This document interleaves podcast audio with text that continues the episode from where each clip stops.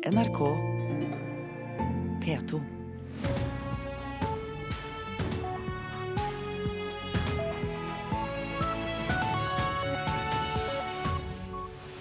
Og Her i Nyhetsmorgen får du mer om at FrPs innvandringspolitikk trekker til seg færre velgere. Været skaper fortsatt problemer på flere fjelloverganger. Mange unge, barn og unge sliter med senskader etter at de har blitt kreftfrie. Når klokka er tolv er kroppen min ferdig for dagen, sier en av dem. Venezuelas opposisjon vil fjerne sosialistregjeringen gjennom demonstrasjoner og nyvalg. Og vi skal høre om hun som arvet garn fra mormor, og så ble det trendy samtidskunst. I studio i dag, Øystein Heggen. Og som vi hørte i Dagsnytt, Fremskrittspartiets innvandringspolitikk er ikke like populær blant velgerne som tidligere. Det viser tall fra Institutt for samfunnsforskning og NRK.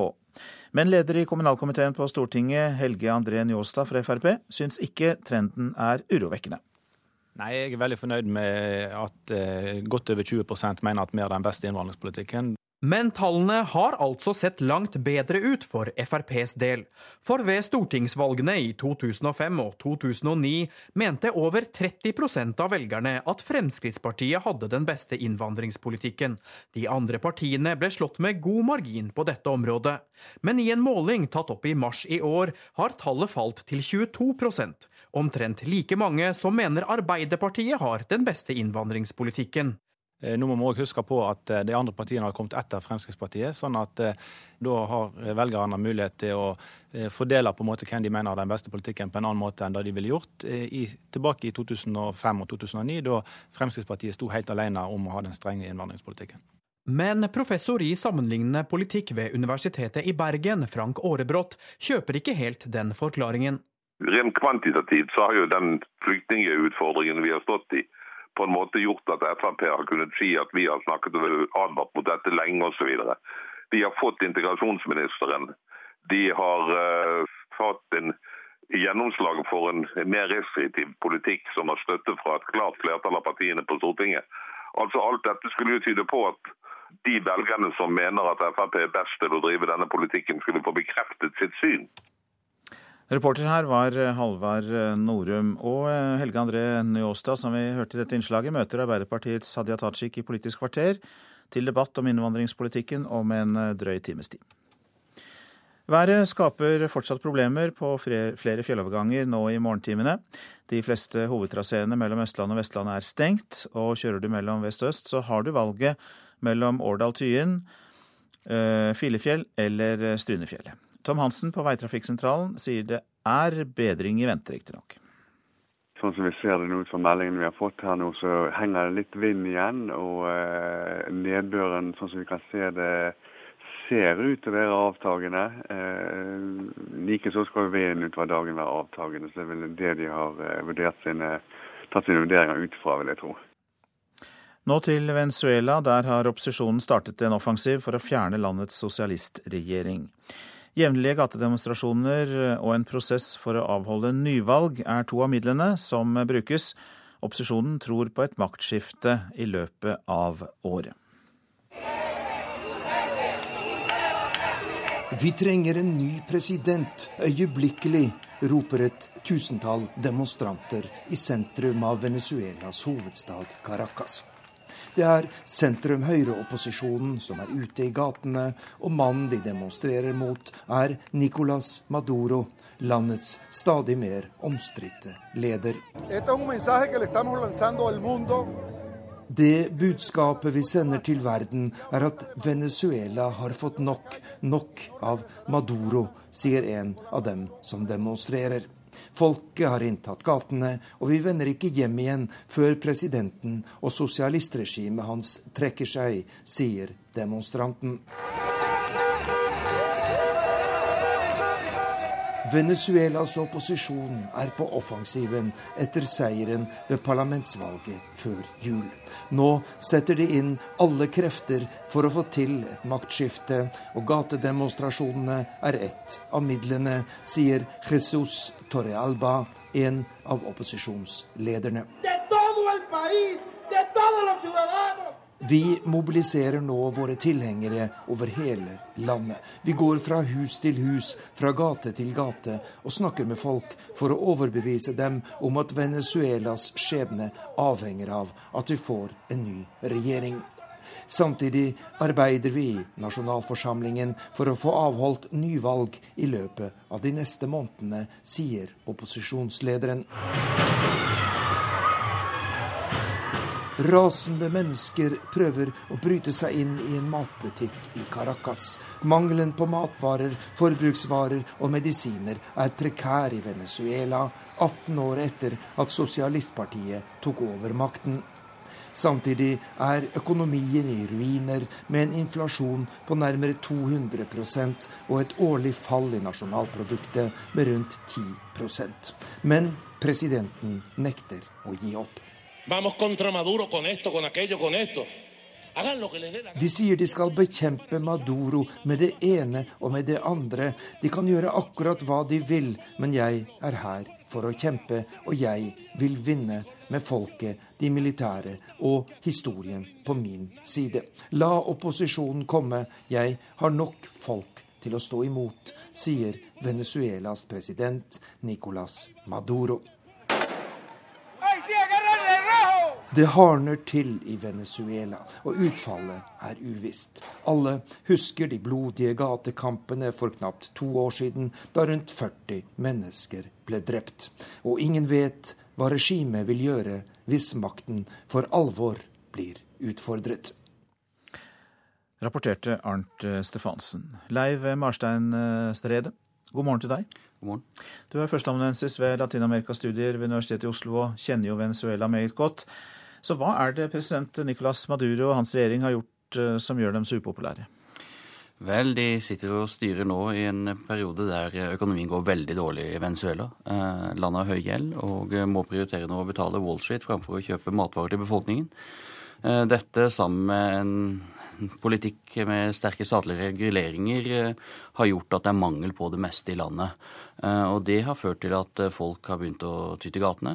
Det er plyndring i butikkene, som vi hørte nå. Mange protesterer for å få fjernet Maduro, mens andre protesterer også om enkle ting. Det er strømrasjonering, mangler strømleveranser, det er mangel på vann i mange områder. Så protestene går også på dagligdagse ting, mangel på mat, slike ting. Det kan være vanskelig å forstå, for Venezuela har jo eh, pumpet opp eh, olje i eh, årevis. Man skulle jo tro at det var penger til både mat og medisiner, men det er mangelvare, som vi hørte her? Ja, altså Venezuela hadde, som alle andre oljeland, en veldig god periode her fram til rundt 2013. Men i Venezuela så brukte de dette her til å, å Ja, de brukte veldig mye penger. De tok opp høye lån for å gjennomføre i hovedsak sosiale tiltak. Og de har lagt seg på en, et utgiftsregime som har gjort at de ikke har råd til å fortsette slik med dagens oljepriser. Og I dag så sitter de og betaler da en høy gjeld for all moroa de hadde mellom 2006 og 2013, eh, med, med stadig eh, lavere inntekter. Venezuela mista et sted mellom 70 og 80% av sine eksportinntekter de siste to-tre årene, eh, mens gjelda er rekordhøy for det landet å være. Er det en kamp mellom høyre- og venstresiden i politikken i Venezuela, eller er bildet mer komplisert enn som så? Ja, Bildet er mer komplisert enn som så. så klart, Regjeringen kaller seg sosialistisk, så i den forstand så er jo høyresiden det er Opposisjonen er på deres høyresiden. Eh, men, men, i dag så er det mye mer komplisert enn som så. Altså, for, for, mange mennesker så er det snakk om å få mat på bordet, få medisiner til barna sine eller de eldre, eh, få en trygg hverdag. Det er en veldig eh, kraftig voldssituasjon i landet også som gjør hverdagen utrygg. Så, så for de fleste fleste så handler dette om helt dagligdagse ting. altså De ønsker å leve trygge og fredelige liv, eh, og eh, ønsker å unngå å stå i matvarekø på fem til ti timer daglig for å kjøpe enkle matvarer. Eh, så, det er mye mer komplisert og mye mer dagligdags på et vis enn en sånn ideologisk høyre-venstre-konflikt, altså. Men når det da ikke engang er en klassisk høyre-venstre-konflikt, men mer komplisert enn som så, og situasjonen er så vanskelig som du har beskrevet, vil det ikke da være relativt enkelt for opposisjonen å fjerne regjeringen? Jo, altså, man skulle jo tro det. Eh, regjeringen er klart svekket. Det var et valg i desember i fjor der opposisjonen fikk to tredjedels flertall i parlamentet. Eh, nå har Høyesterett bestemt at noen av disse representantene til opposisjonen ikke får lov til å ta sete i parlamentet, som opposisjonen mistet sitt to tredjedels flertall. Og det var viktig for regjeringen. Men det betydde at opposisjonen ikke kunne endre Grunnloven. Eh, og regjeringen sitter med full kontroll på Høyesterett. De sitter med full kontroll på det sentrale valgorganet, og de har en hær som støtter regjeringen enn så lenge. Og Det betyr at de konstitusjonelle mulighetene som opposisjonen har gjennom å, å arrangere en folkeavstemning for å fjerne presidenten, de er mindre. Eh, samtidig så, så Stefansen nevnte flere strategier her. så det, det de også vurderer eller prøver på nå, er å endre Grunnloven for å kutte ned på mandatet til presidenten, så presidenten må gå av i, nå i januar 2017 istedenfor i januar 2019. Men problemet opposisjonen møter, er at uh, de møter en høyesterett som vil si at alt det parlamentet gjør nå, det er ukonstitusjonelt og dermed ikke gyldig. Uh, så, så, så, det er ikke så lett for opposisjonen som man skulle tro, selv om presidenten i dag er uh, mye mindre populær enn det opposisjonspartiene er. Mange takk skal du ha, Leiv Marsteinredet, som er førsteamanuensis ved Latin-Amerika-studier ved Universitetet i eh, Oslo. Og så til det avisen er opptatt av i dag. Derfor sviktes Siv Jensen av sine egne, er oppslaget i Dagbladet. Både Frp-velgerne og resten av folket er uten tillit til partiets økonomistyring. Bare 5% sier Frp er best til å skape nye arbeidsplasser. Nordmenn omfavner vårens fridager, er budskapet i Vårt Land. To av tre nordmenn vil nemlig beholde fri på Kristi himmelfartsdag og andre pinsedag, framfor valgfrie feriedager. Byrådet straffes ikke for upopulære tiltak, kan vi lese i Bergens Tidende. Trass i høye bompenger og datokjøring er det et flertall av velgerne som mener byrådet fra Arbeiderpartiet, Kristelig Folkeparti og Venstre gjør en god jobb i Bergen, viser en undersøkelse som er gjort for avisa. Terroren splitter Pakistan, er oppslaget i Aftenposten. Folket dras mellom dem som vil ha et mer liberalt samfunn, og ekstremistene. De som sto bak den siste terroren i Lahore, sier de vil angripe skoler og universiteter. Også VG vier forsiden til terrorofrene i Lahore, Brussel og andre storbyer. Terroren rammer ikke lenger blindt, den rammer målrettet. Livsgleden er under angrep. Det er kommentaren fra avisas journalist Shazia Sarwar. Til Dagsavisen sier direktør ved Fredsforskningsinstituttet Christian Berg Harpviken at vi kommer til å se flere og flere terrorangrep i årene som kommer. IS trenger flere seire etter eh, tapet av byen Palmyra i Syria, sier terrorforsker Ståle Ulriksen til Klassekampen. Han tror også at vi må regne med mer terror i Europa.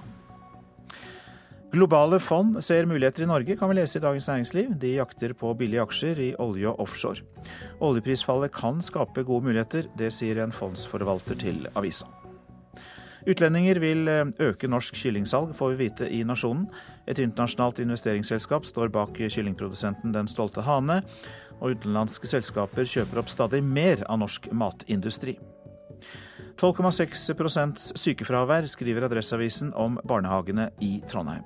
Ingen andre områder i kommunen har et så høyt sykefravær, og det fører til at barna blir mer urolige. Og vi skal lage tiltaksplaner, sier Ragnhild Granskogen, en av kommunens rådgivere. Ja, vi går inn i sportens verden. Celtic-proff Stefan Johansen er oppgitt over fotballandslagets uheldige utvikling. Etter tre strake tap så maktet Norge kun uavgjort borte mot Estland. Og i kveld venter Finland til en ny treningskamp på Ullevål. Johansen han forventer skjerping da, fra samtlige spillere etter den dårlige opplevelsen i Tallinn. Kampen mot Estland var fryktelig kjedelig tror jeg, å se på. Det var, Vi hadde to-tre sjanser. og det er liksom Norske folk vi, vi må være såpass ærlige og si at skal vi til noe sluttspill, så er Estland et lag vi skal slå, selv om banen var så som så. men eh, det er samme som Finland hjemme nå. Da må vi tørre å si at eh, vi skal ut på der og vinne. Herrelandslaget er nede i en bølgedal. Sist gang Norge møtte Estland, så ble det altså norsk tap. Så sånn sett er jo 0-0 i hvert fall en liten resultatmessig eh, fremgang. Oppgjøret i Estland var sjansefattig og målløst. Hvis man ikke skårer mot Estland, hvem i all verden skal du da skåre mot? Det retoriske spørsmålet haster det å finne svar på. Norge skal altså opp mot bl.a. Tsjekkia og regjerende verdensmester Tyskland i en krevende kvalifisering. Til høsten venter VM-kvalifiseringskamper mot Tyskland, Aserbajdsjan, San Marino og Tsjekkia. Tom Nordli er fotballekspert i NRK. Realistisk er det vel å kjempe om en playoff og tredjeplass, men det er mulig å ta an plassen, sånn jeg ser det. Men det er jo ikke tvil om at vi må heve oss flere hakk, skal vi ha noen mulighet. Før kvalikkampen mot Tyskland 4.9 skal Norge spille fire treningskamper. I kveld er Finland motstander på Ullevål stadion, med en utålmodig Stefan Johansen på midtbanen. Det er litt sånn vi har lyst til å bygge den entusiasmen som var til tider i fjor, og, og det gjør vi enkelt og greit med å vinne, vinne fotballkamper. Vi kan, kan, stå og trille ballen så mye vi vil, og sånn, men det, det altså det, det, skaper ikke seier av det. Vi må, vi må, få noe sluttprodukt på det vi gjør, og det, det er det vi har jobba med. Så forhåpentligvis så, så, slår det i full blomst. Reporter Ole Rolfsrud. Og vi i NRK vi gir ikke opp mulighetene til landslaget. Vi skal nemlig overføre landskampen mot Finland.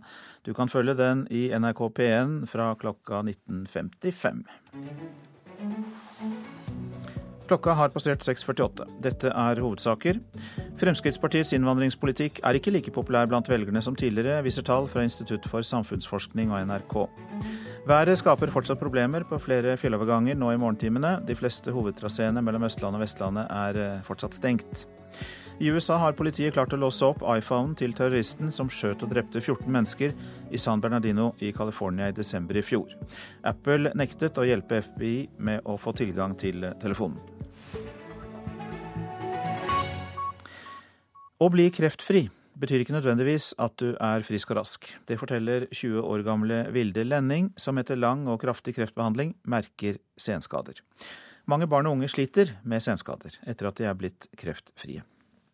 Det som jeg merker, merker mest, er at når klokka tipper sånn tolv, så er min kropp ferdig for dagen. Da er jeg trøtt og sliten, blir ofte veldig kvalm, og da må jeg egentlig bare dra hjem og, og sove og slappe av for å kunne spare opp litt energi igjen. da.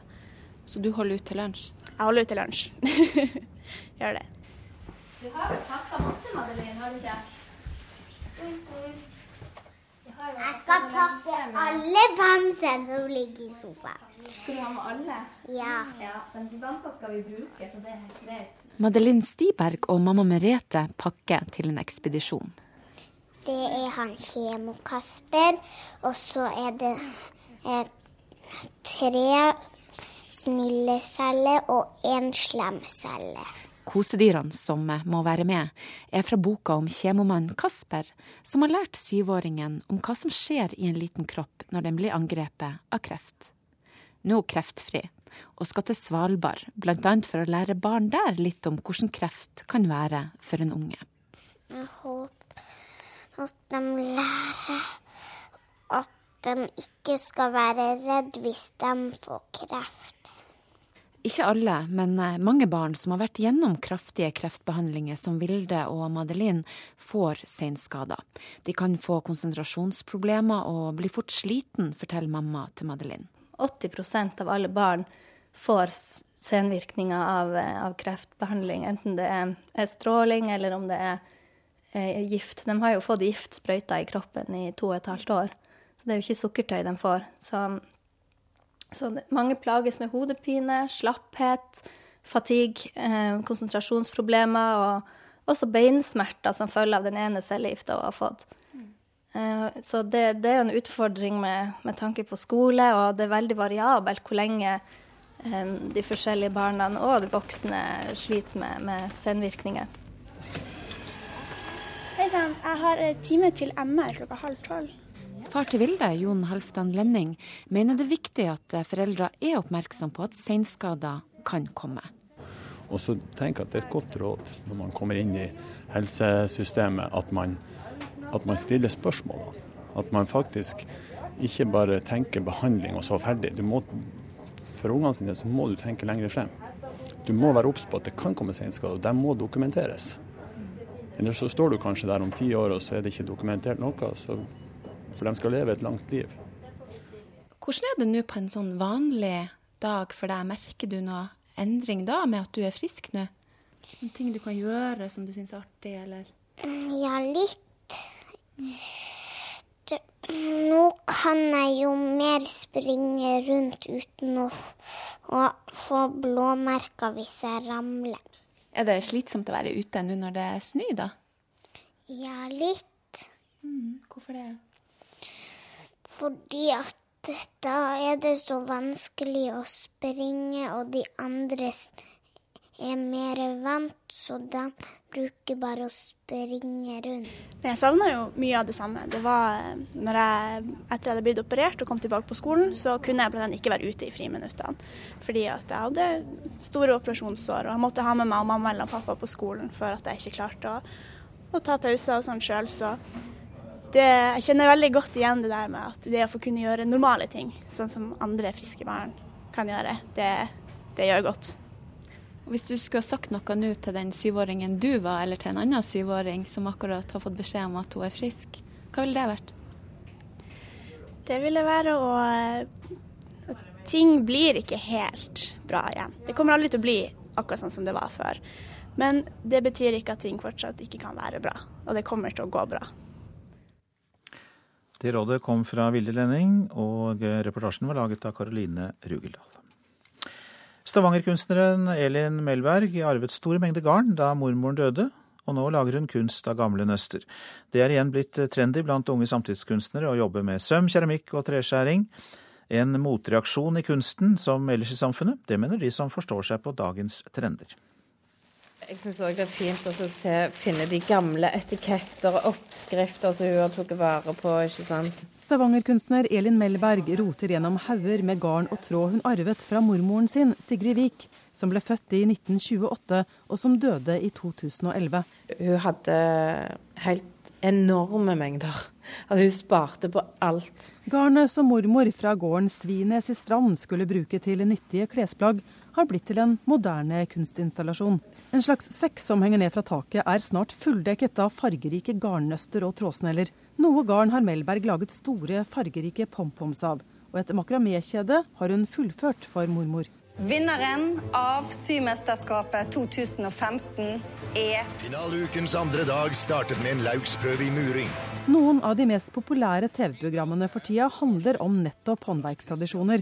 Og de, de, verdiene der, om det er veldig nære materiale Sier Gjertrud Steinsvåg, programansvarlig ved Avdeling for kunst og håndverk på Kunsthøgskolen i Oslo. Det håndlagde kortreist det henger veldig tett sammen med verdisettet i kunsthåndverket. Og hva mormor Sigrid hadde sagt om kunsten som barnebarnet Elin har laget med garnrestene hennes, det får vi aldri svar på. Men Melberg har en teori. Jeg tror hun hadde gjerne syntes det var noen rare greier. Jeg vet ikke. Reporter her, det var Anette Johansen Espeland. Gamle joiker skal nå tas vare på i det nye arkivet Joigas i Kautokeino. De skal samles inn fra hele det samiske området, og joikene skal bli tilgjengelige for skoleelever, forskere og kunstnere. Det du hører her, er Biret Rissen Sara med en joik om si eia mor. Joiken er en av de første som er lagt inn i det nystarta joikearkivet Joigas i Kautokeino. Her skal joiker fra hele Sápmi samles inn og bevares for framtida. Det forteller Biret Rissen Sara, som er leder for joikeforeninga. Vi ønsker jo at joiken skal brukes mest mulig i samfunnet. Og vi ønsker å tilrettelegge for at joik blir brukt. Og derfor så ønsker vi å bygge opp det her arkivet, slik at eh, eksempelvis eh, man kan bruke det på skolen. At det er tilrettelagt for undervisning. Men ikke bare for undervisning, men også det, det her skal være et tilbud for alle. Vokalist Sara Mariell Gaupe Bjaska, kjent fra band som Ajagas og Arvas, har joiken som det sentrale elementet i sin musikk. Hun hilser det nye joikearkivet velkommen. Det her med å ha en sånn plass hvor man kan finne inspirasjon, det har veldig mye å si for tenker særlig for uh, artister. Jeg bor jo nå i Gratangen i Sør-Troms, og her er jo det nesten ingen som joiker. Og jeg trenger inspirasjon i hverdagen for å sjøl bruke det aktivt. Ja, det er veldig viktig med sånn, hvis man skal opprettholde den her som en levende kultur. Også ikke-profesjonelle joikere skal inn i arkivet. Ved Høgskolen i Kautokeino er det rigga et profesjonelt studio hvor det skal gjøres opptak av joikene. Det forteller arkivar Grete Bergstrøm. I det studioet kan enhver person som ønsker å gi en joik til ettertida, eller til sine etterkommere eller til andre, komme og gjøre et opptak. Og det er veldig fin lyd i det, sånn at det blir mye bedre enn hvis man gjør det på mobiltelefon eller hva som helst. Joiken er blant de lengstlevende musikktradisjonene i Europa. Men det joikes ikke like mye i dag som før i tida. Desto viktigere er derfor joikearkivet, mener Biret Rissen Sara. Joik er samenes musikktradisjon, og det er noe vi skal være stolte av, det er noe vi skal bruke, og det skal være en del av oss. Og reporter var Rune Norgård Andreassen. Så tar vi fatt på værvarselet. Fjell i Sør-Norge. Sørøstlig sterk kuling utsatte steder og snø. Fra i ettermiddag sørvestlig stiv kuling og etter hvert minkende vind og enkelte snøbyger. Østafjells på kysten liten sørvestlig kuling, i kveld eh, bris. Skiftende skydekke, regnbyger og til dels snøbyger i høyere innlandsstrøk, og i kveld stort sett oppholdsvær østafjells. Rogaland og Hordaland får sørvest stiv kuling, fra ettermiddag minkende vind. Regnbyger, snøbyger i høyereliggende strøk, i kveld lettere vær. Sogn og Fjordane og Møre og Romsdal ser vi samlet, og det blir sørøst stiv kuling utsatte steder. Liten storm i fjellet, etter hvert minkende vind. Det blir litt regn. Fra i ettermiddag sørvest liten kuling. I kveld sterk kuling på kysten i nord. Regnbyger. Snø i høyden. Trøndelag sørøst sterk kuling utsatte steder. Liten storm i fjellet i sør. I ettermiddag minkende vind. Det blir stort sett oppholdsvær i Trøndelag. Seint i kveld sørvest stiv kuling på kysten. Da blir det enkelte regnbyger også, og snøbyger over 50 meter.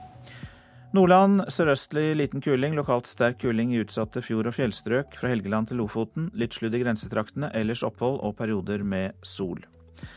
Troms øst for Lyngsalpene stiv sørøstlig kuling utsatte steder. Spredt sludd i grensetraktene, ellers til dels pent vær. Finnmark sørlig liten kuling, periodevis sterk kuling i utsatte kyst- og fjordstrøk. Delvis skyet og til dels pent. Og Nordensjøland på, på Spitsbergen litt snø. Vi tar med oss temperaturer målt klokka fem. Svalbard lufthavn minus fire. Kirkenes pluss én. Vardø og Alta begge pluss tre. Tromsø-Langnes pluss seks. Bodø pluss ni.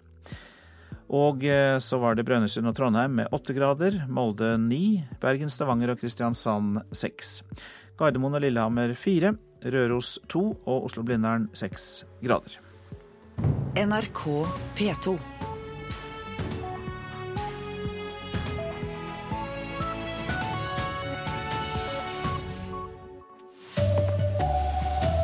Det er nesten fritt frem for småtyverier. Politidistrikt har fått beskjed om å legge vekk vinningskriminalitet. Og flertallet av oss synes maten koster det den skal. Her er NRK Dagsnytt klokken sju ved Marit Selmer Nedrelid. Politiet i Hordaland er pålagt å legge vekk vinningsforbrytelser.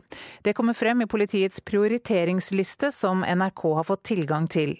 Ut fra listen kan man lese at når det er knapt med ressurser, kan ikke politiet etterforske forbrytelser uten personskade og store verditap. Leder for påtaleavdelingen i politiet, Gunnar Fløystad, innrømmer at de i praksis må legge vekk hele stoffområder. Vi er nødt til å prioritere grov vold, grove sedelighetsforbrytelser og organisert kriminalitet først. Og når vi har gjort det, så, så er det i dagens ressurssituasjon ikke nok til å etterforske alle saker. Og da blir konsekvensen at noe må ligge. Litt over halvparten av oss mener at matvareprisene i Norge er helt greie. Det viser en fersk undersøkelse Sentio Research har gjort for avisen Nasjonen. Folk på Vestlandet er mest fornøyd med det de betaler i matbutikken. 54% av de spurte svarer at matvareprisene her i landet er akkurat passe. Mest tilfredse er de på Vestlandet, der 61% sier de er fornøyd når de betaler i butikken. Minst fornøyde er folk på Østlandet. Der mener over 40% at dagligvareprisene er for høye. Nesten like mange som svarer at prisene er OK. Undersøkelsen som Nasjonen presenterer i dag, viser at én av ti nordmenn synes dagligvareprisene godt kunne vært høyere enn de er. Prisene i matvarebutikkene her i landet har ikke økt like mye som prisene generelt, viser tall fra SSB, og andelen av inntekten vi bruker på dagligvarer har gått jevnt nedover, og lå i 2012 på rundt 12% av inntekten. Kanskje ikke overraskende, men det er de lavtlønte som er mest opptatt av at matvareprisene skal gå enda mer ned. De får følge av Frp-tilhengerne. Reporter her var Lars Håkon Pedersen. Været skaper fortsatt problemer på flere fjelloverganger nå i morgentimene. Kjører du mellom Øst- og Vestlandet har du valget mellom Årdal-Tyen, Filefjell eller Strynefjellet. Tom Hansen hos Veitrafikksentralen sier at det er bedring i vente. Sånn som vi ser det nå, som meldingen vi har fått her nå, så henger det litt vind igjen. Og eh, nedbøren, sånn som vi kan se det, ser ut til å være avtagende. Eh, Likeså skal vinden utover dagen være avtagende. Så det er vel det de har eh, sine, tatt sine vurderinger ut fra, vil jeg tro. Tom Hansen hos Veitrafikksentralen der, og det var NRK Dagsnytt. Og Nyhetsmorgen fortsetter med disse sakene. Lastebileierne rammes av mange dieseltyverier og er kritiske til at politiet legger bort vinningsforbrytelser. Geir Amo i Lastebileierforbundet kommenterer hos oss. Frp profilerer seg på innvandringspolitikk, men den er ikke like populær som før. Orklas datterselskap i Brasil er dømt til å betale to milliarder kroner i erstatning. Og Russland og USA samarbeider om en politisk løsning i Syria, men Assads skjebne er de fortsatt uenige om.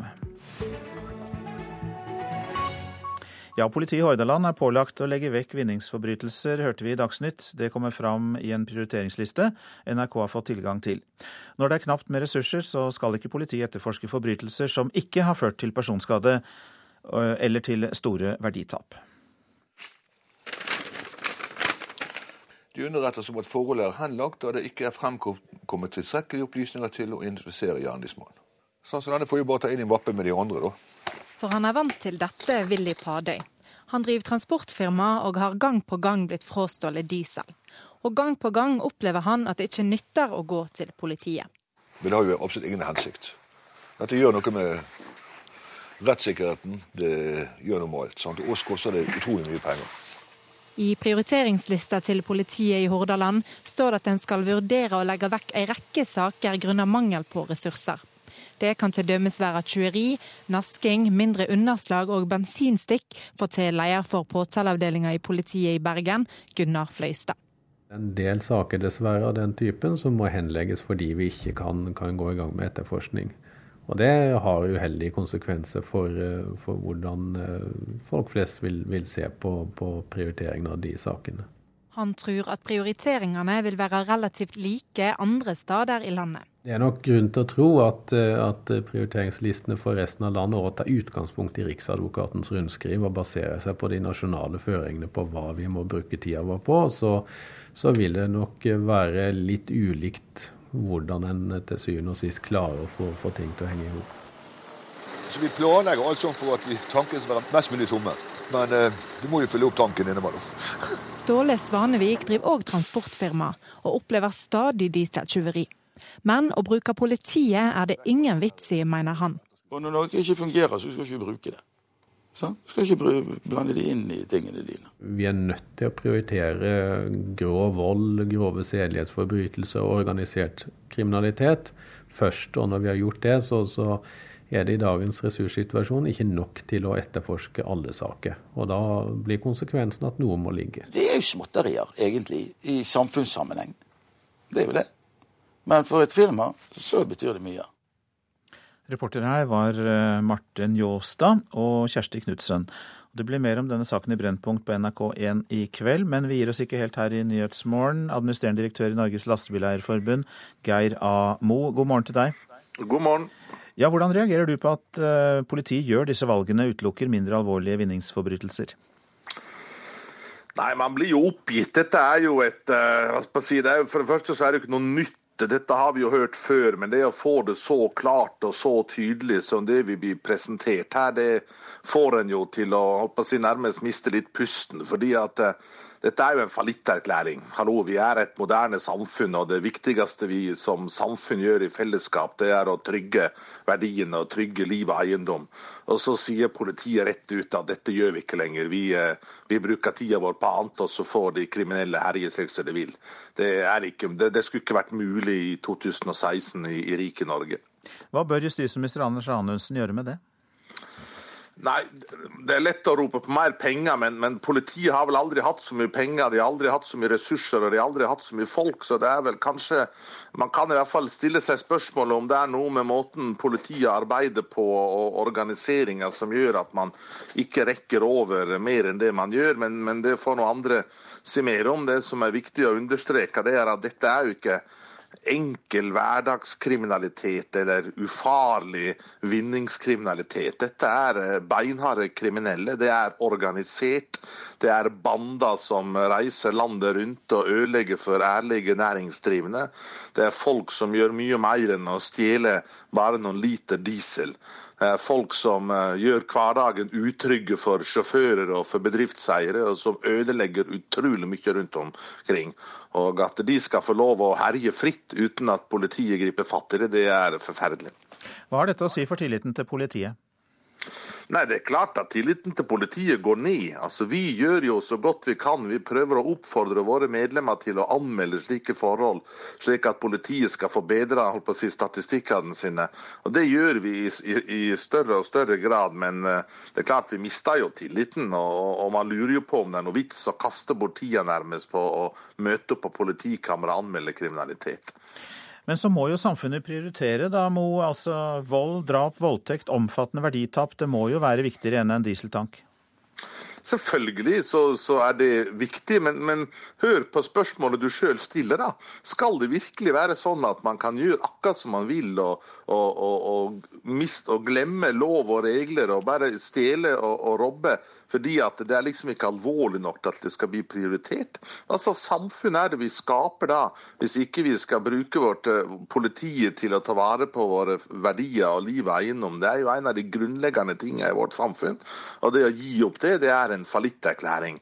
Og Da får man se på prioriteringer, man må se på måten man arbeider på, og om man arbeider rett.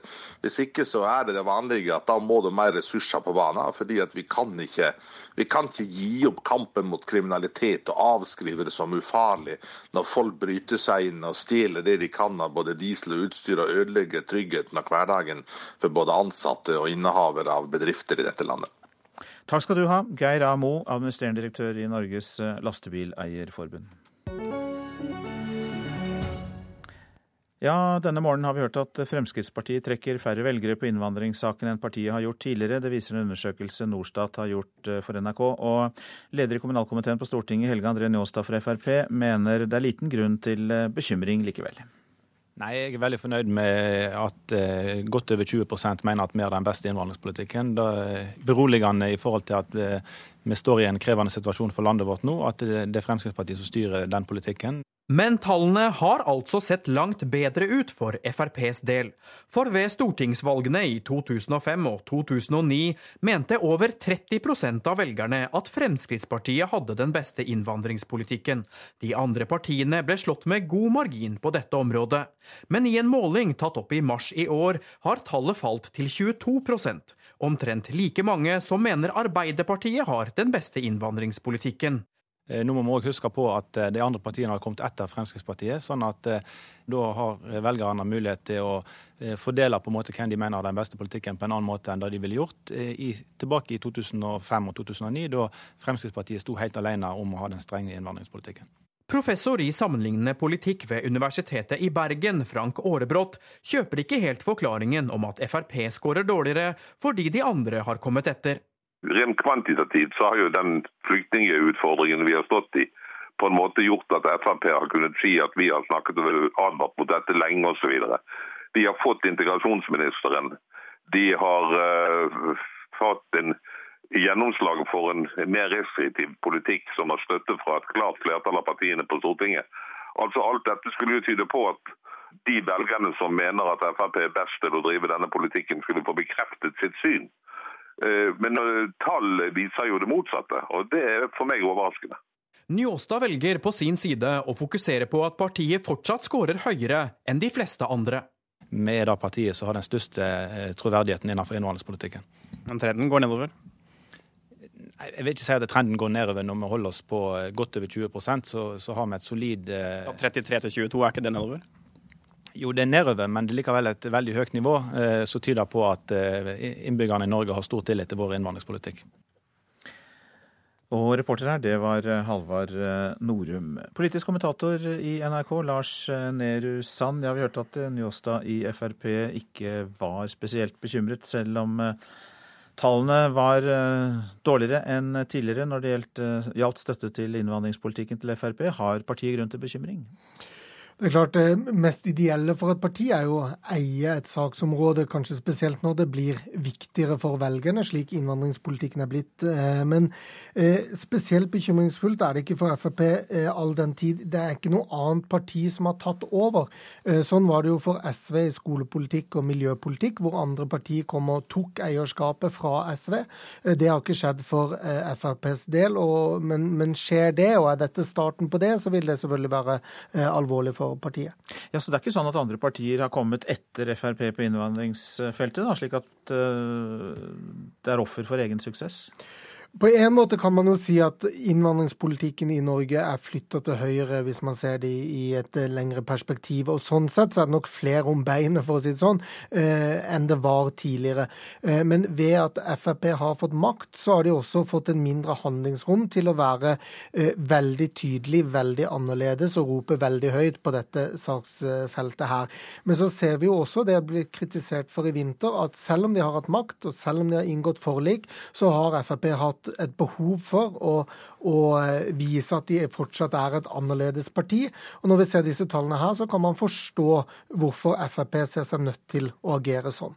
Ja, Så du tror det er først og fremst at de har flyttet inn i regjeringskontorene og må administrere politikken, som kanskje bidrar her, da? Det er i hvert fall naturlig at et parti opplever det man kan kalle en regjeringsslitasje, også på tillit, eh, selv i kjernesaker. Vi ser det på Høyre også i helsepolitikk og skolepolitikk, som har vært viktig for Høyre. Eh, så det er ikke unaturlig at Frp også eh, må se en nedgang her. Men vi ser at Frp markerer seg fortsatt sterkt i velgernes bevissthet på, eh, på innvandring, på samferdsel og på skatte- og avgiftspolitikk.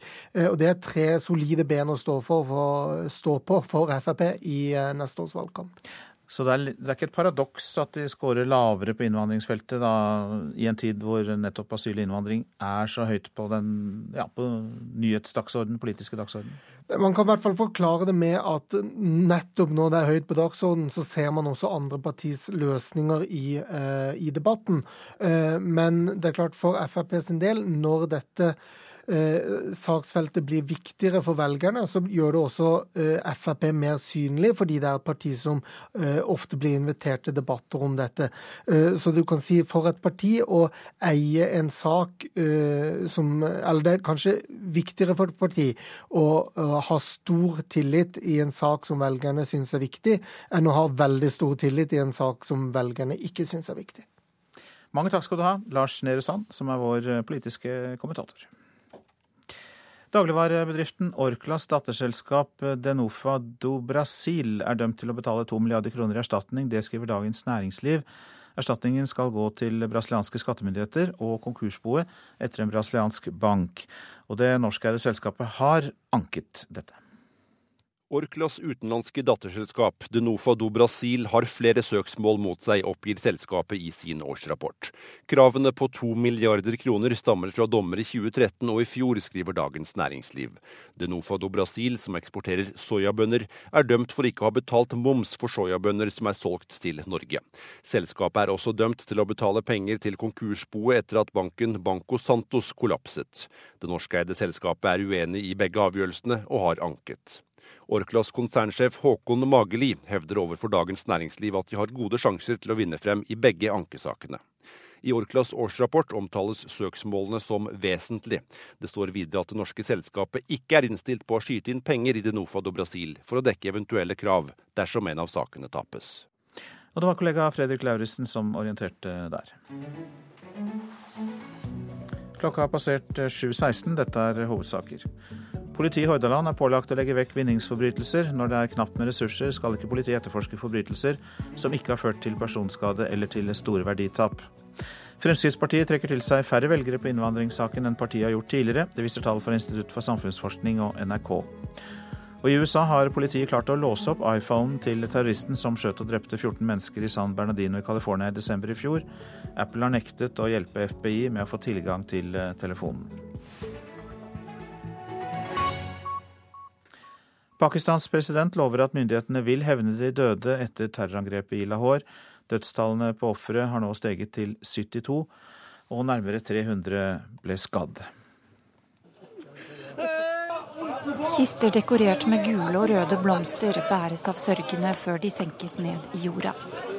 Selvmordsaksjonen i Lahore første påskedag har så langt krevd 72 menneskeliv. Nesten halvparten av dem var barn som var i parken for å leke. En ansatt som var på jobb i parken da det smalt, forteller at det var lett for terrorister å komme inn i parken. Murene er lave, og sikkerhetstiltak finnes ikke. I en TV-tale i går ettermiddag lovte landets statsminister Nawaz Sharif at kampen mot terroristene skal trappes opp, og at de døde skal hevnes. En fraksjon av pakistansk Taliban har tatt på seg ansvaret. Det er den samme gruppen som er ansvarlig for flere angrep mot sivile mål den siste tiden i Pakistan. Denne gangen var målet å ramme kristne i påskehøytiden, hevder organisasjonen. Fortsatt ligger mange alvorlig skadd på sykehusene. Angrepet i Lahore regnes som det alvorligste siden skoleangrepet i desember 2014, der 134 elever ble drept. Og det var Elisabeth Onsum som var reporter her. Ata Ansari, du er journalist i NRK, og du følger jo med på utviklingen i eh, Pakistan. Du har sagt at dette angrepet var en varslet tragedie. På hvilken måte? Dette er en varslet tragedie fordi at uh, vi vet nå at denne gruppen som har uh, tatt på seg skylden for å ha begått dette terrorangrepet, har jo også tidligere begått terrorangrep uh, ikke bare i forskjellige deler av Pakistan, men også da i Punjab-provinsen. Så dette er en kjent gruppe, og deres taktikk, deres taktikk og deres metoder er kjente. Eh, og så kommer det i dag morges eh, meldinger om at eh, den nasjonale etterretningstjenesten hadde gitt da noen, noe informasjon om selvmordsbomber som hadde entret Lahore-området, som ikke ble tatt på alvor. Og det tredje er at det er veldig mange hatpredikanter og sekteriske forbudte organisasjoner som har veldig stort fritt rom i Punjab-provinsen. Så både denne provinsregjeringen, som ledes av eh, broren til landets statsminister, og også da nasjonalregjeringen i Pakistan, har nå vært under hard kritikk eh, for å ikke ha gjort nok for å da bekjempe ekstremisme, som jo da er begynnelse på en terroristisk handling for veldig mange eh, terrorister. Nå hørte vi at statsminister Nawaz Sharif sier at landet skal trappe opp kampen mot terror. Hvilke forventninger har du til at de skal klare å bekjempe den? Militæret og den nasjonale etterretningen har jo i lang tid ønsket å komme inn i provinsen Punjab og bekjempe terrorisme og ekstremisme. Men både den provinsparlamentet og nasjonalparlamentet har motsatt seg dette. Men nå har de vært nødt til å bøye seg for dette kravet fra folket, og ikke minst fra den militære og etterretningen selv. Så nå håper jo da folk i Pakistan at eh, militæret skal komme inn i provinsen, og det har de begynt å gjøre. At de skal arrestere og de skal rydde opp i disse sekteriske miljøene som spesielt befinner seg i sørlige delen av Punjab. Men hvorfor er det så vanskelig å få bukt med dem, altså ekstremismen eh, som fører til terrorisme? Altså En eh, viktig grunn til det er nok at det uh, ligger da i, spesielt i den sørlige delen av Punjab, hvor det er veldig mange sånne islamistiske skoler, uh, bevegelser, forbudte organisasjoner som har hopet seg opp i stort antall, som har veldig mange tilhenger, ikke bare i Punjab, men også da i resten av landet. Vi ser at hver gang det eh, snakkes om f.eks. blasfemiloven i Pakistan, så er det oppimot hundretusener som demonstrerer mot noen form for endringer. Vi ser gang på gang hvordan eh, sekteriske ledere som egentlig er forbudte, som ikke har lov til å på en måte da holde taler eller snakke til forsamlinger, fortsetter å gjøre det under, da, under da denne eh, provinsregjeringen eh, som ledes av broren til statsministeren. Takk skal du ha for den orienteringen, Atta Ansari, som altså er eh, journalist i eh, NRK og en kjenner av Pakistan. Det amerikanske føderale politiet, FBI, har lykkes med å låse opp iPhone til ekteparet som skjøt og drepte 14 eh, av sine arbeidskamerater i San Bernardino i California i USA. Justisdepartementet trekker derfor søksmålet mot Apple, som nektet å utlevere nøkkelen til sikkerhetssystemet i sine mobiltelefoner til eh, politiet. Og Departementet har da bedt retten annullere kjennelsen som pålegger Apple å hjelpe FBI, nå når de altså har åpnet telefonen selv. I går ble det kjent at sjefen for den amerikanske etterretningstjenesten CIA tidligere denne måneden besøkte Russland for å diskutere Syria. Samtidig sa en talsmann for um, utenriksminister John Kerry at USA er glad for at syriske regjeringsstyrker med støtte fra russiske fly har tatt kontroll over den strategisk viktige byen Palmyra. Korrespondent Morten Jentoft i Moskva, betyr det altså at samarbeidet mellom Russland og USA går inn i en ny fase når det gjelder Syria? Jeg tror vi skal være litt forsiktige med å trekke dette altfor langt talsmann for uh, den russiske presidenten Dmitrij Peskov, uh, Vladimir Putin, altså talsmann Dmitrij Peskov, han sa etter at den amerikanske utenriksministeren John Kerry hadde vært her i forrige uke, at det er eh, altfor tidlig å snakke om noen allianse her. Men som du sa nå, det er en del tegn som viser at uh, USA og Russland nå eh, eh, samarbeider tettere. At det er en annen tone mellom de to eh, landene. I går så var altså talsmannen for det amerikanske utenriksdepartementet, John Kirby, ute og sa at det er bra eh, at syriske regjeringsstyrker eh, nå har frigjort da, eh, Palmyra fra Daesh, altså den islamske staten. Selv om han også understreket at en varig løsning i Syria må inn innebærer at, eh, at Bashar al-Assad også må gå. En mann som eh, Kirby mente tyranniserer det syriske folk. Ja, det var dette med Bashar al-Assad, for fremdeles så er jo USA og Russland uenige om hans eh, skjebne. Ja, det er man. Eh, da eh, CIA-sjefen John Brennan var her i Moskva tidligere nå i mars, så var også spørsmålet om eh, Bashar al-Assad oppe. Og amerikanerne står fortsatt fast formelt da med kravet om at Assad må gå.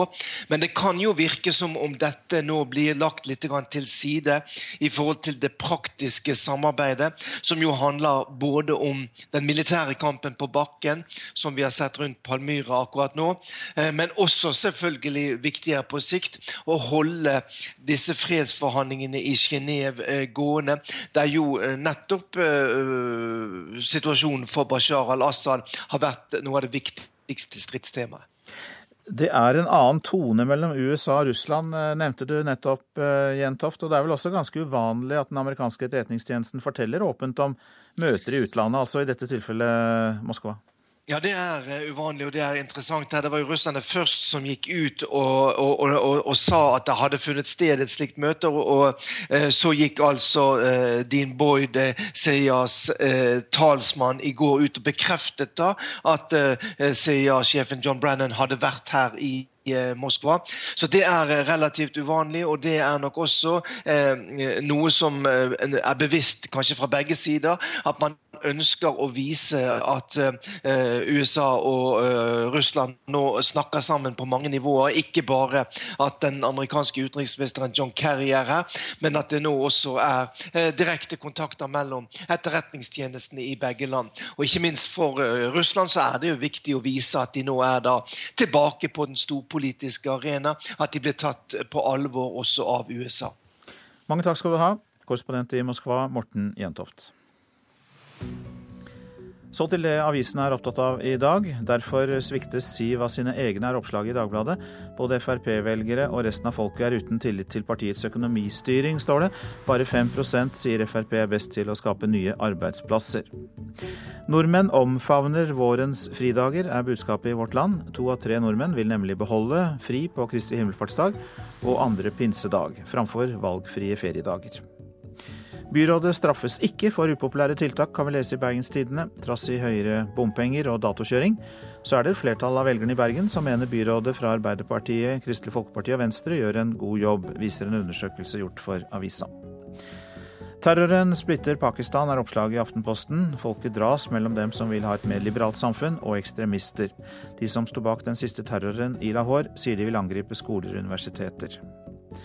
Også VG vier forsiden til terrorofrene i Lahore, Brussel og andre storbyer. Terroren rammer ikke lenger blindt, den rammer målrettet. Livsgleden er under angrep, er kommentaren fra avisas journalist Shazia Sarwar. Til Dagsavisen sier direktør ved Fredsforskningsinstituttet Christian Berg Harpeviken at vi kommer til å se flere og flere terrorangrep i årene som kommer. Og IS trenger flere seire etter tapet av byen Palmyra i Syria, sier terrorforsker Ståle Udriksen til Klassekampen. Han tror også vi må regne med mer terror i Europa.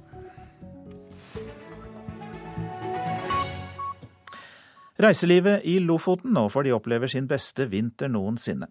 Flere overnattingssteder melder om fulle rorbuer i store deler av vintermånedene, og det er antallet utenlandske turister som øker mest. Vinteren er blitt eh, høysesong. 15 belgiske turister er på vei ned til havna i Svolvær. Med tjukke klær og store kameraer er de klare for en dag på havet. Today we are going to see the sea orange. Yes, yes, we want to see it. The bird and also the sea. Katalin de Bjerre går om bord i båten som skal ta turistene ut på fuglesafari. We love it. I prefer to come to Norway in the winter time. That's why I choose now this expedition. De Bjerre sier hun foretrekker Norge om vinteren, og det er hun ikke aleine om. På Svinøya rorbuer er det travelt i resepsjonen. Anders Løvik har jobba her i flere år, og dette er den beste vinteren noensinne. Eh, februar i fjor var på 70% i år er vi på over 90 belegg. Eh, hittil i, i mars så er vi på ca. 90% belegg. Mesteparten av de over 50 rorbuene her står ikke lenger tomme om vinteren. Takket være utlendinger. Belgia, Nederland, eh, Storbritannia, Tyskland, til en viss grad Italia. I fjor var første året der utenlandske turister var større andel enn norske turister. I destinasjon Lofoten viser tallet at 60% flere utlendinger overnatta i Lofoten i januar sammenligna med samme måned i fjor. Markedsansvarlig Christian Nashaug sier at økninga har sammenheng med bedre markedsføring, men også Samtidig så har vi en eh, gunstig valutasituasjon i eh, Norge nå, i forhold til eh, at det er rimeligere for utlendinger å komme til Norge. Samtidig så ser vi jo også at det er mye uroligheter ute i den store verden, og Norge er på en måte en veldig trygg havn. Norge forbindes ofte med kulde og vinter. Og det er nettopp derfor Catalin Dubier fra Belgia har tatt turen nordover. For me, Norway is always related to cold and to the snow, to nice sceneries. That's why I prefer it in the wintertime. Reportasjen var laget av Kari Skeie. Og så legger vi til at eh, det var Ulf Tannes Fjell som er produsent for Nyhetsmorgen, og her i studio er Øystein Heggen.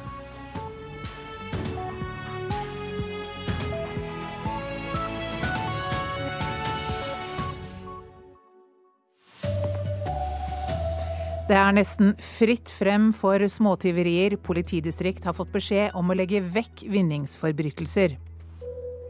Pakistans president lover hevn etter terrorangrepet mot en familiepark.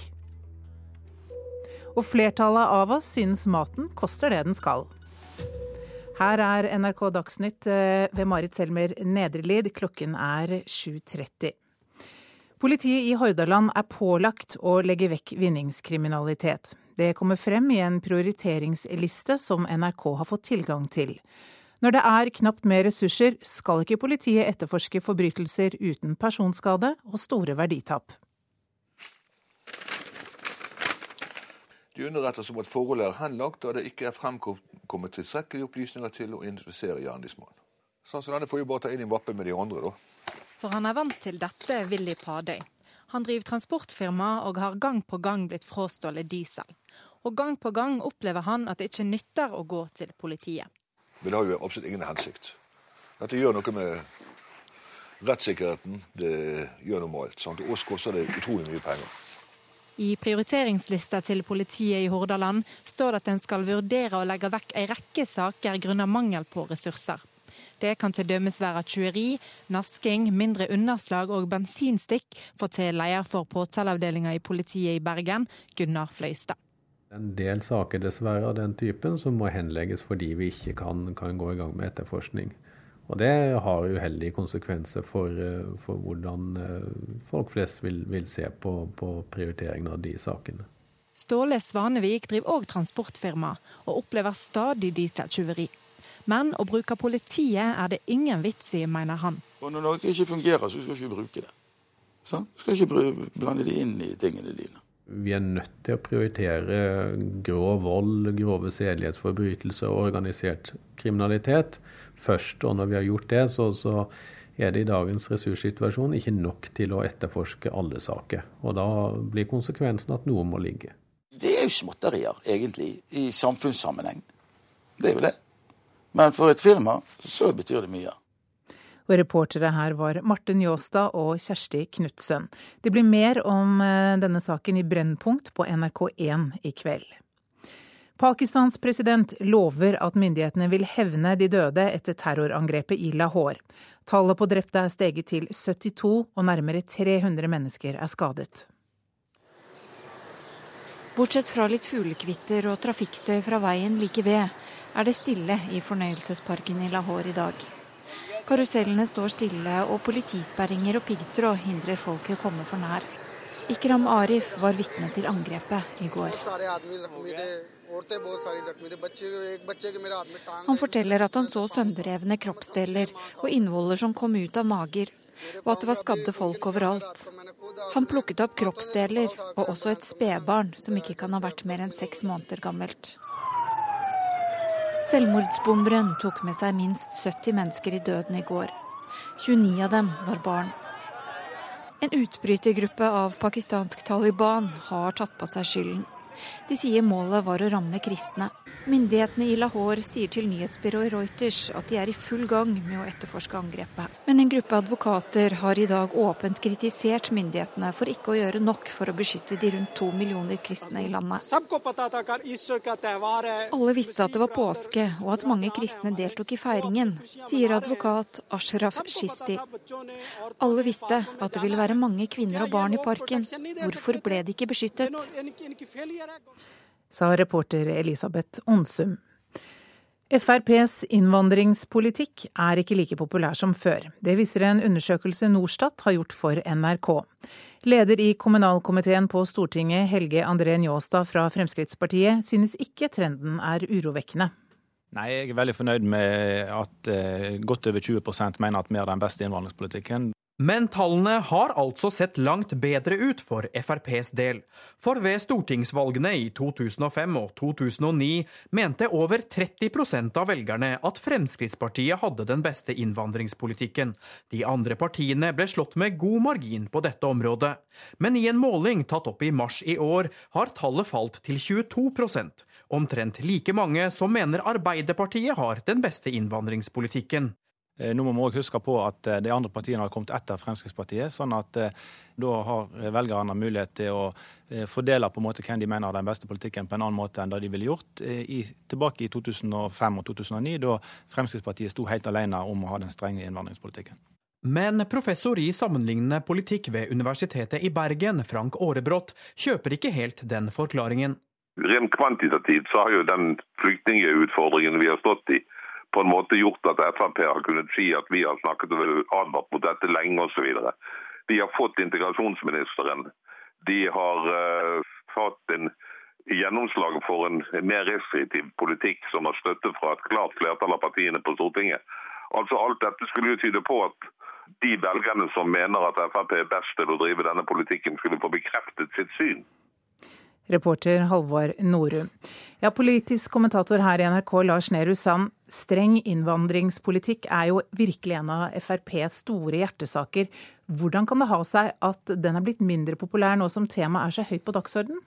Nettopp fordi temaet er høyt på dagsordenen, fordi mange snakker om det, og fordi Frp er i regjering, har ikke partiet det samme muligheten som de har hatt gjennom eh, flere tiår til å være så tydelig eh, veldig annerledes enn alle de andre partiene. Og Derfor så skiller politikken deres eh, seg mindre ut enn den har gjort før. Ja, Så den er ikke så mye strengere enn de andre partiene lenger? Det er, jo, det er, jo, sånn at Hvis man ønsker en streng innvandringspolitikk, så tror jeg de fleste velgere vil si at Frp er et naturlig sted eh, eller et naturlig parti å, å velge seg. Men, men, Frp får konkurranse fra andre partier også på det eh, de har hatt hegemoni på.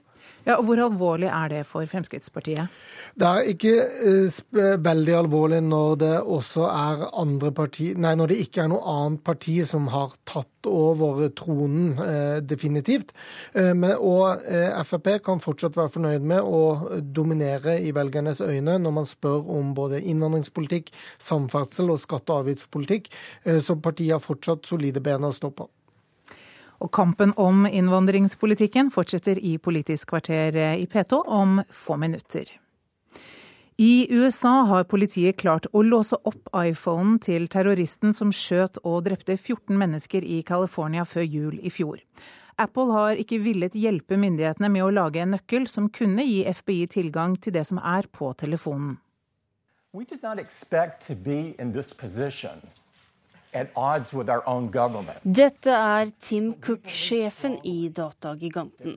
For Apple har kjempet med nebb og klør for å slippe å lage et program som skulle la FBI bryte seg inn i terroristens iPhone. Grunnen er at de ikke vil gi FBI eller myndigheter i andre land muligheten til å bryte seg inn i millioner av telefoner dersom de vil det. Pga. denne uenigheten har Apple og amerikanske myndigheter ligget i rettslig konflikt i flere måneder. Men Justisdepartementet i USA opplyser nå at FBI med hjelp utenfra har lykkes å komme inn på telefonen til terroristen Syed Farouk, som sammen med kona skjøt og drepte 14 personer på en julefest i California i desember i fjor. Nå vil Justisdepartementet be retten annullere kjennelsen som pålegger Apple å hjelpe FBI. Og Apple sier i en kommentar til nyhetsbyrået Reuters at de er glad for at myndighetene dropper saken, og at de var imot kravet fra FBI. Reporter her var Tonje Grimstad. Litt over halvparten av oss mener at prisene på mat i Norge er akkurat passe. Det viser en fersk undersøkelse Sentio Research har gjort for avisen Nasjonen. Folk på Vestlandet er mest fornøyd med det de betaler i matbutikken. 54% av de spurte svarer at matvareprisene her i landet er akkurat passe. Mest tilfredse er de på Vestlandet, der 61% sier de er fornøyd når de betaler i butikken. Minst fornøyde er folk på Østlandet. Der mener over 40% at dagligvareprisene er for høye. Nesten like mange som svarer at prisene er OK. Undersøkelsen som Nasjonen presenterer i dag, viser at én av ti nordmenn synes dagligvareprisene godt kunne vært høyere enn de er. Prisene i matvarebutikkene her i landet har ikke økt like mye som prisene generelt, viser tall fra SSB, og andelen av inntekten vi bruker på dagligvarer har gått jevnt nedover og lå i 2012 på rundt 12% av inntekten. Kanskje ikke overraskende, men det er de lavtlønte som er mest opptatt av at matvareprisene skal gå enda mer ned. De får følge av Frp-tilhengerne. Og reporter her var Lars Håkon Pedersen. Ansvarlig for NRK Dagsnytt, Arne Fossland.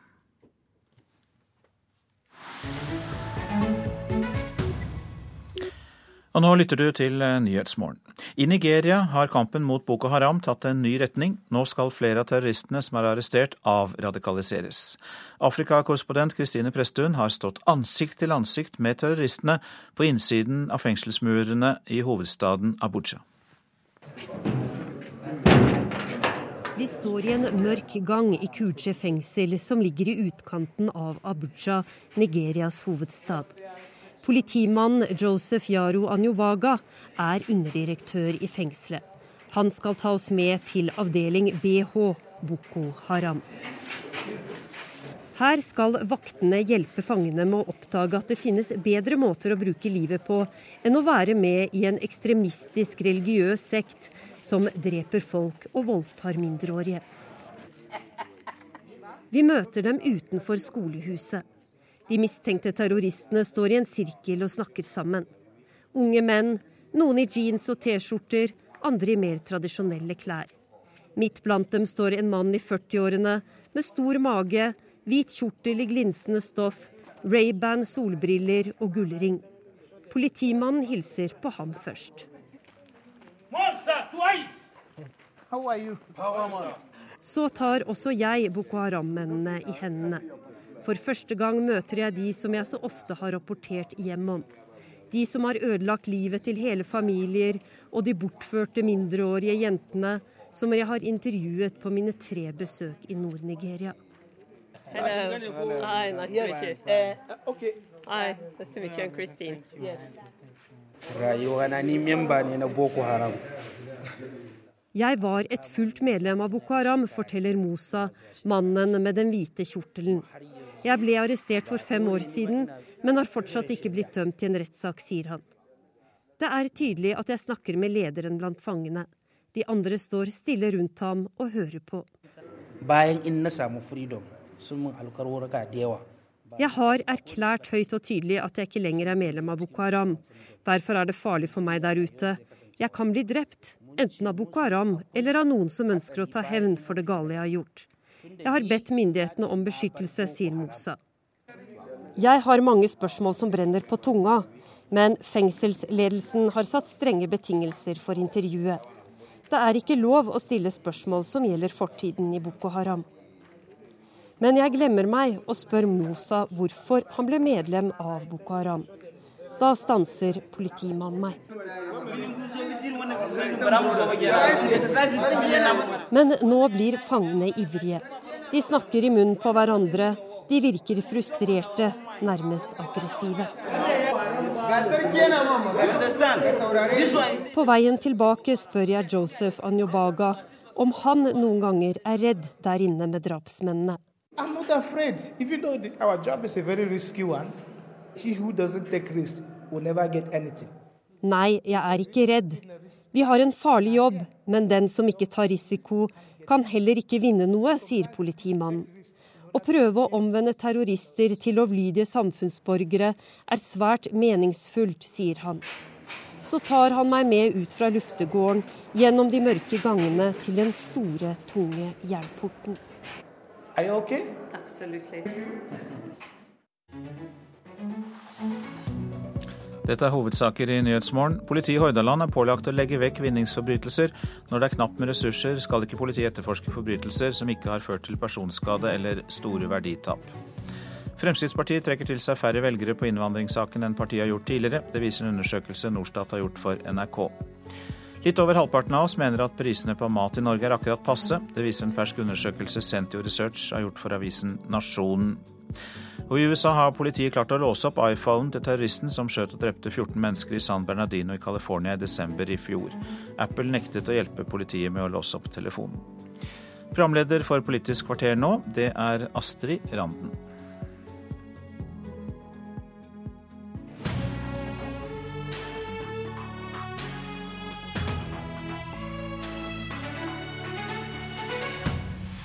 Nå må du høre godt etter, for du skal få høre noe sjelden. En politiker som sier han tok feil og har snudd. Og Frp har hatt den mest populære innvandringspolitikken de siste 15 åra, men slik er det ikke lenger. God morgen, du hører eller ser på Politisk kvarter. Han gikk imot partileiren og fikk flertallet i landsmøtesalen over på si side. Høyre måtte fjerne pappakvoten. Eller som det står i partiprogrammet, det er på tide å gi makten over permisjonstiden tilbake til familiene. Men nå har han altså snudd. Stortingsrepresentant for Høyre, Henrik Asheim, hva har skjedd? Nei, det er eh, at jeg har eh, sett virkeligheten eh, ved siden av det prinsippet jeg har hatt. Altså Jeg har ironisk nok kommet opp i en alder hvor jeg ser at mange av mine venner får barn. Jeg har en bror som har fått barn, og jeg ser hvordan dette systemet fungerer. Og jeg er ikke en politiker som mener man skal bruke personlige anekdoter for å lage politikk, men jeg tror man skal prøve politikken man har opp mot den virkeligheten man møter. Og det valgfrihetsargumentet som jeg hadde veldig sans for på landsmøtet for to år siden for å fjerne fedrekvoten, den ser jeg at egentlig fungerer mer som en måte å fjerne en adgang for far til å være hjemme sammen med barnet sitt. Altså jeg tror veldig mange fedre opplever at de står i kryssilden mellom eh, samboeren eller kona si hjemme og arbeidsgiver på den andre siden, som forventer at de tar den permisjonen de kan ta, ikke den permisjonen de vil ta. Så prinsippet om full valgfrihet funka ikke i praksis, ser du nå, og nå går du altså inn for ti uker pappaperm, som er forbeholdt av far. Ja, Som er det som regjeringen nå står på. og Det mener jeg at eh, Høyre ikke skal ta noe omkamp på. Tvert imot mener jeg at Høyre bør ved neste korsvei vedta å beholde de ti ukene, slik at fedre har eh, noen argumenter for å være hjemme hos mor og far, eh, hjemme hos sine barn. fordi selv om valgfriheten er jo altså valgfriheten er at far egentlig kan ta halvparten av permisjonen i dag, men det skjer jo ikke. Og det tror jeg skjer av mange grunner. Men jeg er veldig eh, redd for å frata far den anledningen han har nå til å si til sjefen sin eller kona si disse ti ukene skal jeg være hjemme med mitt barn. Jeg googla ditt navn og fant bilde av det i avisa med ei barnevogn der du snakka om at det er problematisk å gå inn i stua til folk og si at far skal inn og mor skal ut. Det må finnes grenser for hva flertallet og demokratiet kan pålegge enkeltmennesket, sa du den gang da. Er det ikke så problematisk å gå inn i stuene til folk lenger? Jeg tror alle politikere står i den balansen, og det er et liberalt dilemma også, for så vidt. Eh, på høyresiden så er man jo mer tilbøyelig til å akseptere konsekvensen av valg folk tar, også valg man ikke, altså konsekvenser man ikke liker. Men jeg mener at det som jeg trodde var en valgfrihetsdiskusjon, og som handlet om at her skal ikke vi politikere blande oss, har i realiteten tatt fra far en valgfrihet. Fordi eh, hvis man fjerner hele kvoten, så tror jeg veldig mange fedre vil oppleve ikke at de kan velge å ikke være sammen med sine barn, men at de blir presset til å ha mindre permisjon enn de egentlig ønsker seg. Heidi Nordby Lunde i finanskomiteen for Høyre på Stortinget. Du er en av deg i Høyre som vil at programmet, partiprogrammet skal være som det er. Først er du overraska over at eh, Asheim har snudd? Jeg er ikke helt, eh, helt overraska over at vi har en levende debatt om dette her i, i, i partiet. Men jeg tror nok Henrik Asheim er, er enig i den langsiktige målsettingen om at familier skal få lov å velge eh, hvordan de organiserer sin, sin, familietid på best mulig, mulig måte. Men han hevda jo da at en har fjerna valgfrihet eller en vil fjerne valgfrihet hvis den innfører fri på foreldrepermisjon. Ja, det høres jo veldig synd ut på disse stakkars mennene som da faktisk må argumentere mot sin samboer eller kone, og argumentere eh, til sin arbeidsgiver om at de skal få mulighet til å være hjemme sammen med barna sine.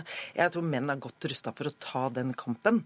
Eh, akkurat som kvinner gjorde på 70-tallet, da kvinner eh, gikk inn i arbeidslivet. Men så, så mener jeg at både høyresida og venstresida har, har en utfordring når det gjelder denne debatten. Venstresida har kjørt seg inn i et spor hvor pappa pappapermisjon på en måte skal løse alt. Mens høyresida snakker mye om det jeg vil kalle en tenkt valgfrihet. Fordi det er veldig mange andre ting, ikke bare med permisjonsordningen, som bidrar til å vri familiens valg når det gjelder måten de deler permisjonen på. Det er valg man har tatt i forbindelse med utdannelse og yrkesvei. Og vi har allerede det største kjønnsdelte um, arbeidsmarkedet i Europa. 70% av de som jobber i offentlig sektor er kvinner. Ja, eh, familiens økonomi og den som tjener mest kontra minst, vil vil være det som kanskje påvirker mest. Spørsmålet om da er pappapermisjon det som er mest egnet av virkemidler til å vri på disse valgene. Altså. Ja, jeg mener ikke at pappaperm er på en måte helliggjørende. Egentlig så er det sånn det er to ting vi har i norsk likestillingsdebatt. Det er kontantstøtten og pappaperm, og det er det vi snakker om hele tiden. Mm. Og jeg tror ikke det er så enkelt. Men jeg mener i nettopp det som jeg er enig med Heidi i, nemlig at det er noen strukturer, det er noen uh, ting som gjør at både kvinner og menn blir forfordelt så mener jeg at pappaperm kan være et veldig viktig botverk for veldig mange menn til å få lov til å være hjemme med barna sine. Fordi det er sånn at selv om man kan si at fedre må kunne stå opp mot arbeidsgiveren sin, det er bare 4% av menn som tar ut mer permisjon enn det kvoten tilsier. Og Det betyr tror jeg, at det er ikke sånn at alle menn da sier 'Å, så deilig, nå kan jeg slippe å være sammen med barna mine lenger'. Jeg tror faktisk ganske mange menn opplever at det er en valgfrihet de ikke har. Eh, og dermed så mener jeg at hvis vi som parti da går inn for å fjerne fedrekvoten, beholder det standpunktet, så tror jeg veldig mange menn vil oppleve at det som vi argumenterer som valgfrihet på, fratar dem frihet fratar fedre frihet, eh, Heidi Nordby Lunde. Det er det ditt standpunkt går inn for?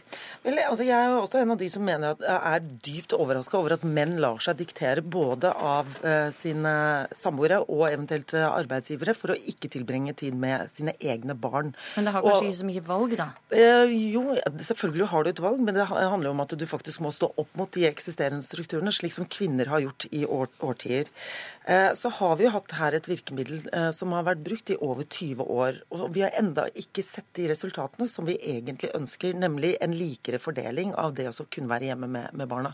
Spørsmålet er jo da er dette riktige virkemidler, er det andre ting vi burde se på? Og det jeg ønsker meg, og som for så vidt også Likestillingsutvalget i Høyre har kommet med, er jo en helhetlig vurdering av alle virkemidlene og hvordan de påvirker.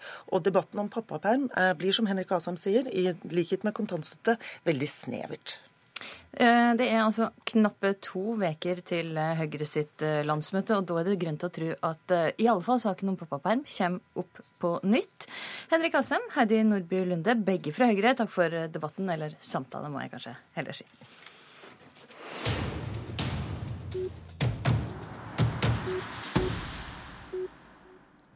Spør du velgerne hva for parti som har best innvandringspolitikk, er det ett parti som har trona på toppen de siste 15 åra, nemlig Frp.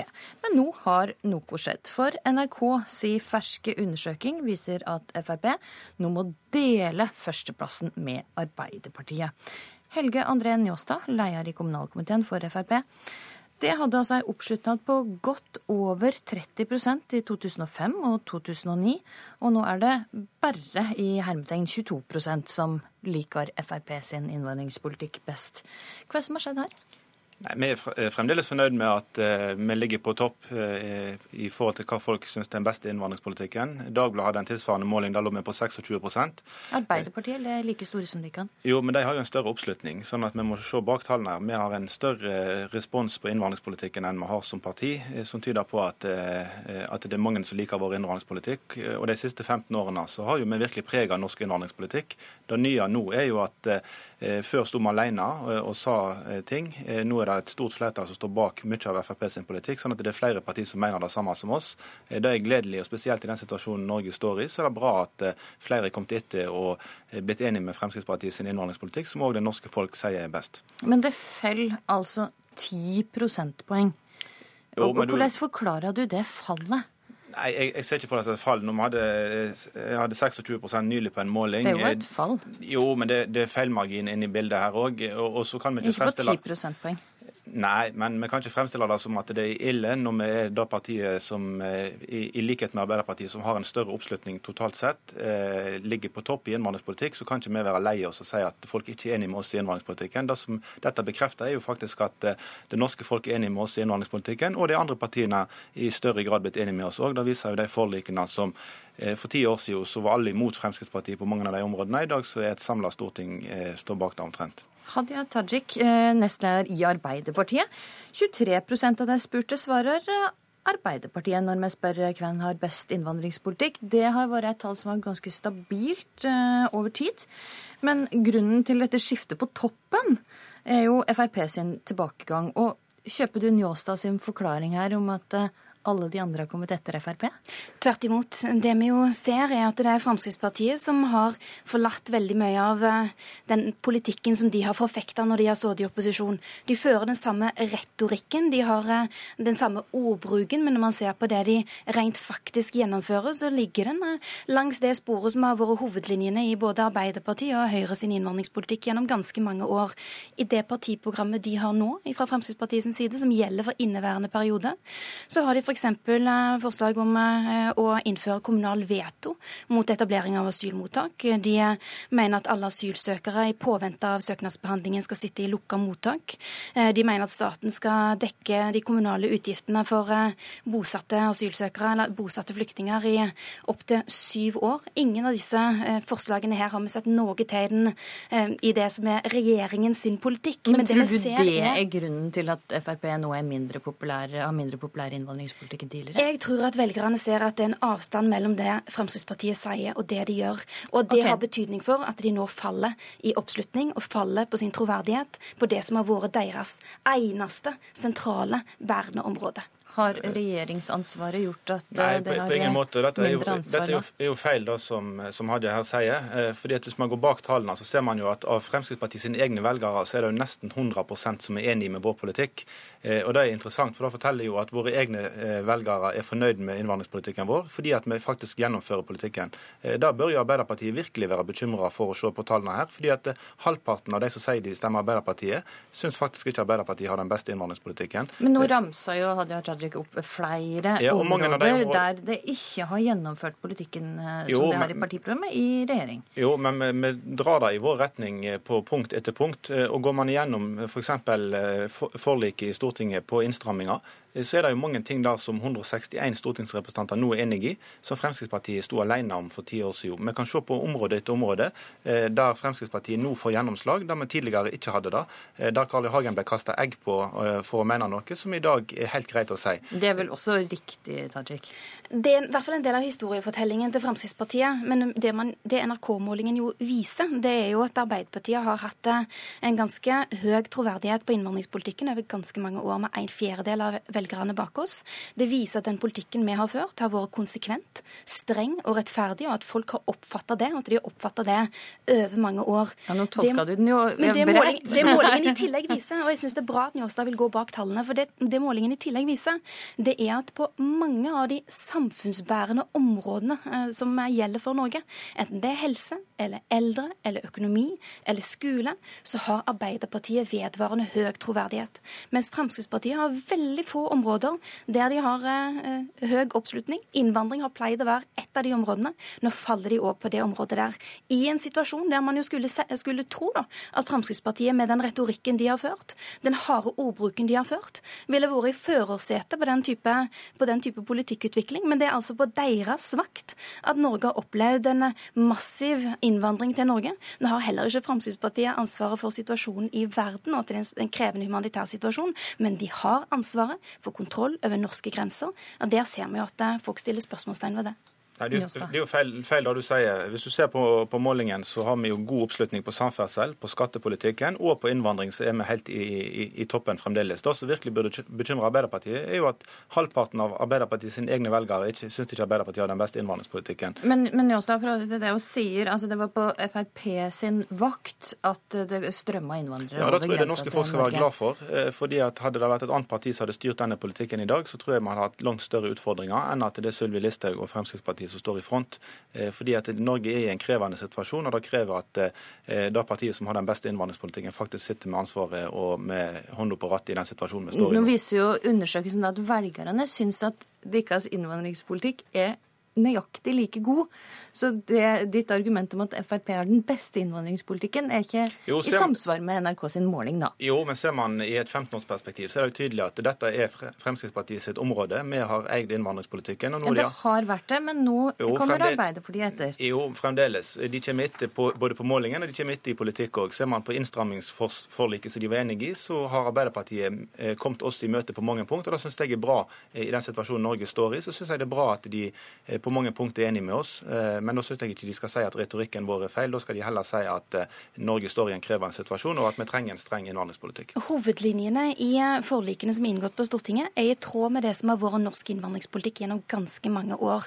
De som derimot har forlatt det som har vært det sentrale, det bærende i politikken deres, er jo nettopp Fremskrittspartiet.